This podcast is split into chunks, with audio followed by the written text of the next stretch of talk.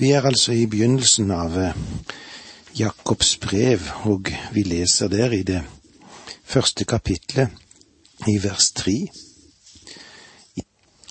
For dere vet at når troen prøves, fører det til utholdenhet, eller som det også står, tålmodighet. Utholdenhet og tålmodighet. Ja, det er noen vakre ord, det. Men det er umulig å få det til uten kamp. Den må vinnes gjennom at troen prøves. Og dette er å forstå på mange forskjellige måter. Det kan være noen unge tunger som er ute og forteller et eller annet. Det kan være motstand.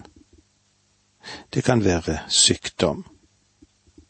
Han kan oppleve fattigdom eller det kan være trengsler av forskjellige sorter. De møter oss alle, disse tingene. Disse ting blir fristelse òg for oss som er kristne. Vi fristes snart til mismot. Kanskje det kan òg gå over til hovmod. Og så kommer tvilen svikende inn, snikende inn hos oss. Og hva skjer òg når vi møter noe som er oss imot, da kommer kanskje en knurrende tone. Alt ondt synes å være sluppet løs, og den troende kjenner seg ganske nær helvete. Det Gud har virket i ham, ser han ikke. Men synden, hvordan blir det med den? Jo, den blir levende og sterk, den. Det er en farlig tid for en kristen. Mange har falt oppi dette. Men det er også en stor tid. Mange har seiret. Det er en lytringstid som man går igjennom. Slagget skal siles ut fra gullet. Derfor sier apostelen at vi skal glede oss i slike tider. Vi skal la fristelsen løse oss fra de mange bånd som binder. Vi skal la krykken falle og tro på Gud. Om følelsene protesterer, skal troen klynge seg til Frelseren. For dere vet at når troen prøves, fører det til utholdenhet. Når særlig slike fristelsestider kommer, ser vi òg hvordan det kan gjøre godt. De renser oss ifra det som vi kan kalle for farisisme. Og det kan hjelpe oss til å se litt mer sant på oss sjøl. Det kan være slik at du er inne i en slik tid nå. Kanskje du kan prøve å glede deg. Bare la Satan rase. Fest blikket ditt på Jesus, klyng deg til Jesus Ingen skal makte å rive deg ut av hans sterke frelserhender. Jesus er nær deg. Han er nærmere enn det du tror. Hadde han omsorg for deg når du følte deg oppløftet og glad, ja, så har han ikke mindre nå. Om du skulle være inne i en tung tid, så er du omsluttet av hans store og vise kjærlighet vers fire her i kapittel én i Jakobs brev. Men utholdenhet må vise seg full, i fullført gjerning, så dere kan være fullkomne og hele og ikke stå tilbake i noe. Men utholdenhet må vise seg i fullført gjerning, så dere kan være fullkomne og hele og ikke stå tilbake i noe. Det vil aldri bli en fullkommen, det vil si en komplett, fullmoden kristen uten utholdenhet, tålmodighet. Derfor er det noen kristne som aldri har blitt modne. Men eh, hvordan er det med de da? Jo, de har forblitt å være småbarn. David skrev i Salme 131, Herre, mitt hjerte er ikke hovmodig, mine øyne er ikke stolte. Jeg gir meg ikke av med slikt som er for stort og underfullt for meg. Nei, Jeg har brakt min sjel til ro og gjort den ganske stille som et lite barn hos sin mor når det har stilt sin tørst. Slik er min sjel i meg. Med andre ord så sa David det slik, jeg fant ut at jeg måtte vokse. Jeg måtte bli ferdig med melkeblandingen og få del i mer næringsrik kost. Jeg trengte å ete av livets brød.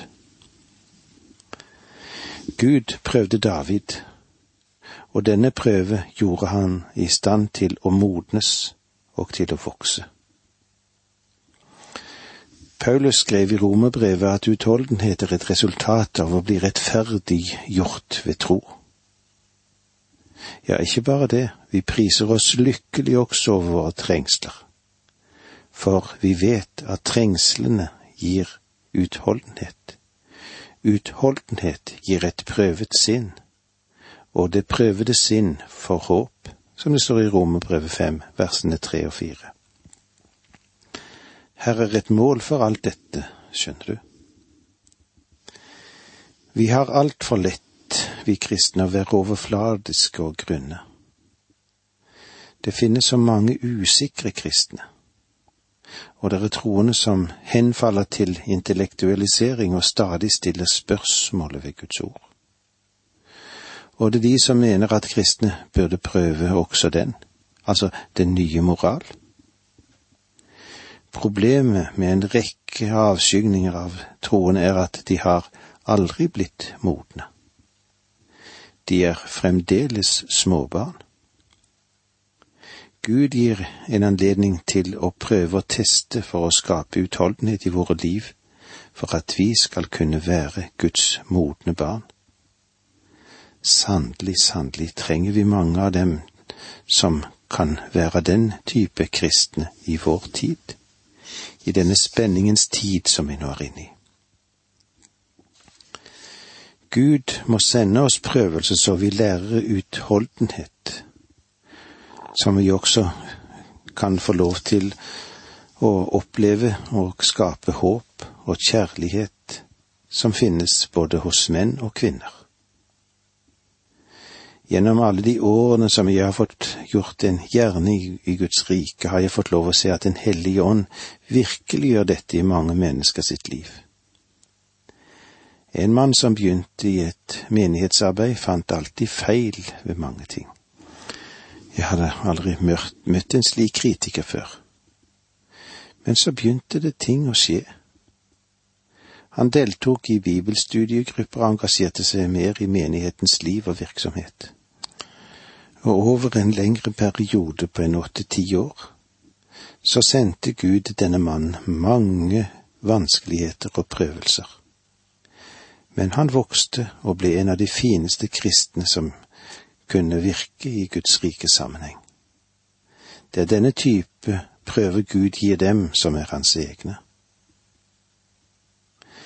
Vers fem Dersom noen av dere mangler visdom, skal han be til Gud, og han skal få. Og Gud gir til alle, villig og uten bebreidelser. Visdom står her i forhold til de prøvelser som Jakob taler om. Du og jeg har vanskeligheter og prøver, prøvelser og problemer. Og hvordan skal vi løse disse problemene? Hvordan skal du møte disse utfordringene? Hvordan, hvordan skal du håndtere denne personen? Om du mangler visdom i forhold til et problem, ja, så trenger du å gå til Gud i bønn. Visdom er øvelse i og praktisk bruk av kunnskap. Mange mennesker har kunnskap, men de har overhodet ingen praktisk sans. Det er fortalt om et vennepar som man kan òg smile av, for de sier om de at de ikke engang kan koke vann. En har til og med en doktorgrad.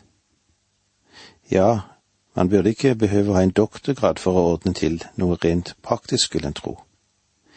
Visdom er å vite hvordan man skal handle under visse omstendigheter ved prøvelser. Ved utfordringer eller når problemene eller spørsmålene reiser seg. Livet er fullt av slike situasjoner, og du og jeg, ja, vi trenger òg visdom fra Gud. Og med disse ordene sier vi takk for nå, må Gud være med deg. Dette undervisningsprogrammet består av to deler. Åge Nevland fortsetter nå med andre del av dagens undervisning. Vi er i Jakobs brev. Vi er i det første kapitlet der, og vi er nå kommet til vers fem.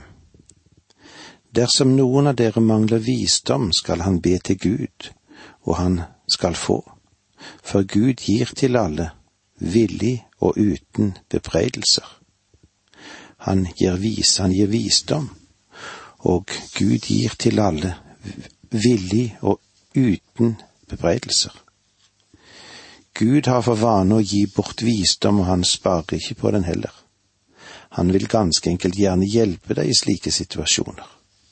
Han bebreider ikke, og det betyr at hans givertjeneste, den er ren, den er enkel, og den er god uten å være innblandet med ondskap eller bitterhet.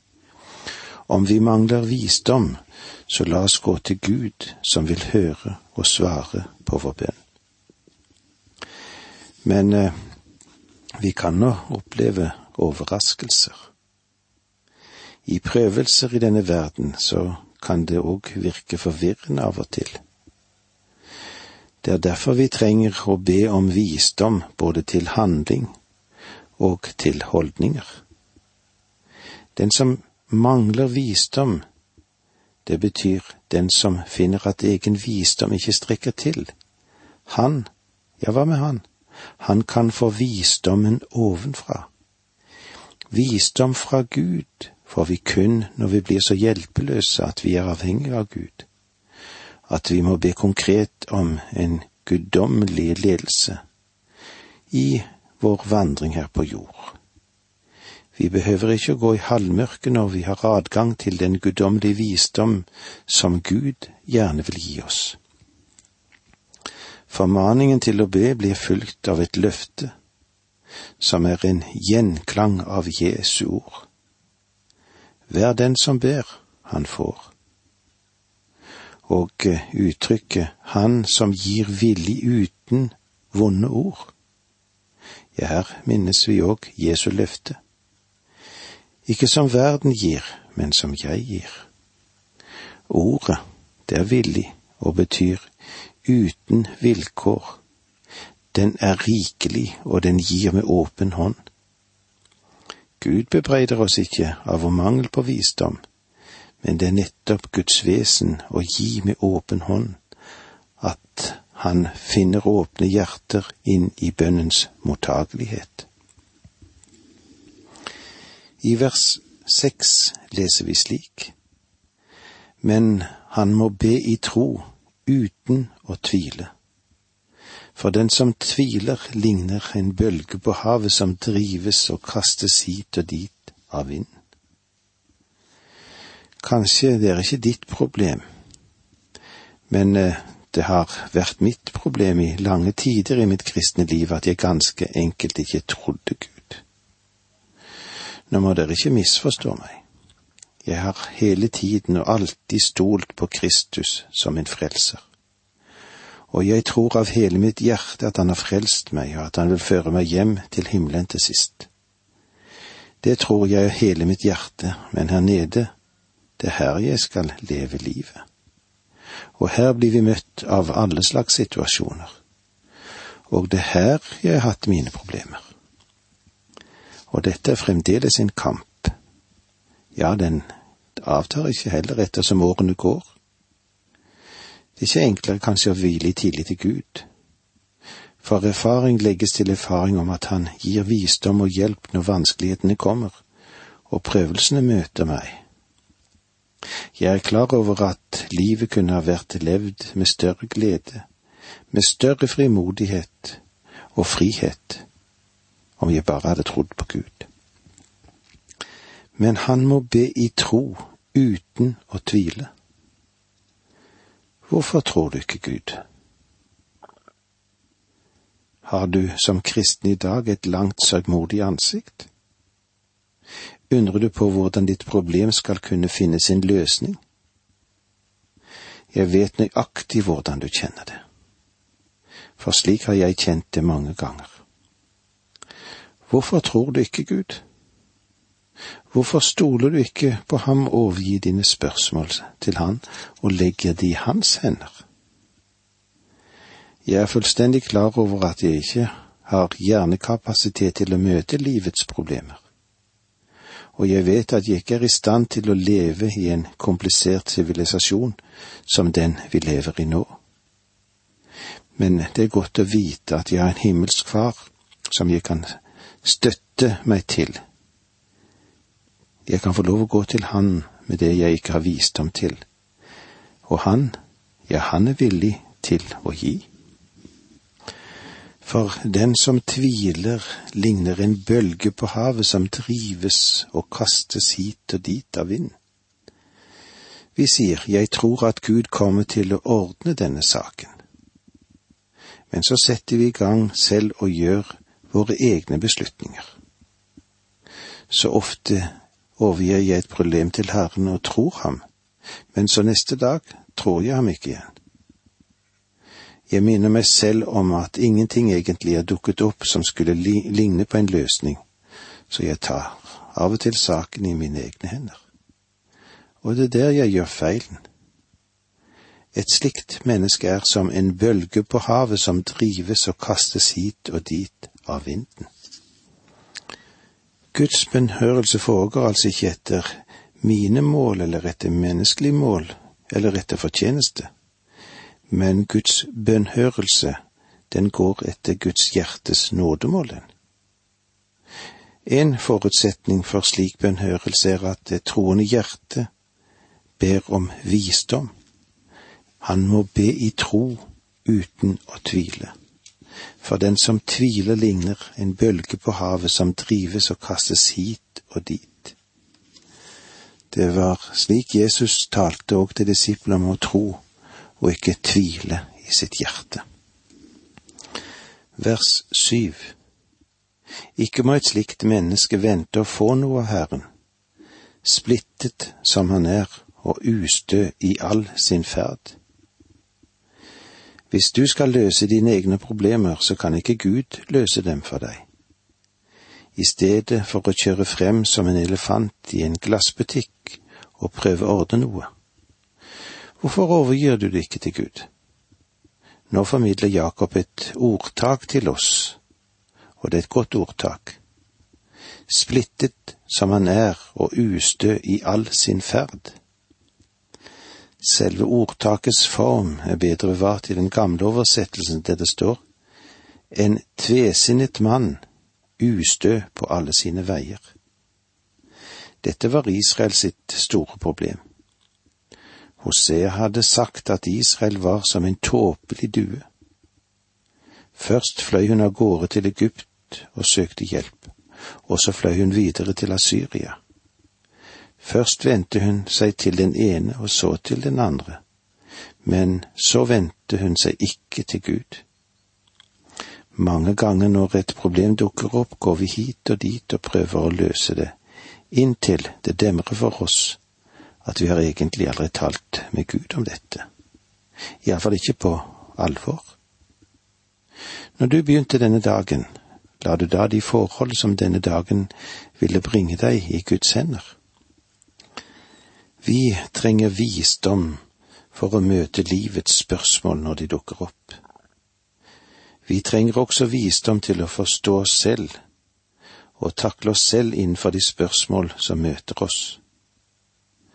Visdom kan like godt være slik at det legger bånd på oss, som å kunne mestre andres problemer.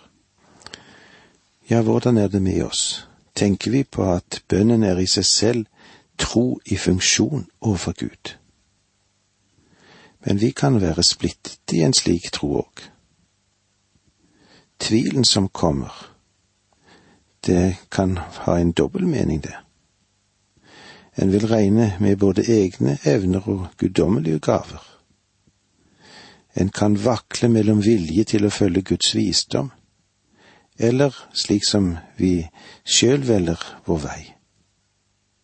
En slik holdning, hva er den? Egentlig så er det vantro. Den troendes bønn, det er en vedvarende holdning av avhengighet, og ikke bare avhengighet, men òg tillit til Gud alene. Har du tillit til Gud?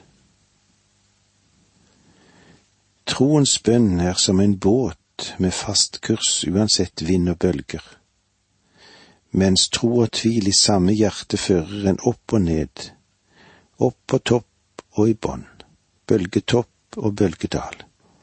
Gud kan ikke få gi sin visdom til et hjerte som er så rolig.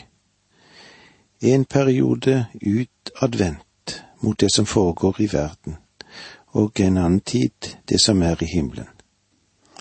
I en slik en situasjon er han kanskje mer tvesinnet. Og ber å tale enfoldig med Gud i sitt hjerte, sa Pontoppidan. Ustø i all sin ferd. Ja, det er det Jakob sier til oss her. En mann som ber til Gud uten vilje i sitt hjerte. Bønnen må være, skje din vilje, du som er i himmelen, så òg på jorden. Og med disse ordene sier vi takk for nå, må Gud være med deg.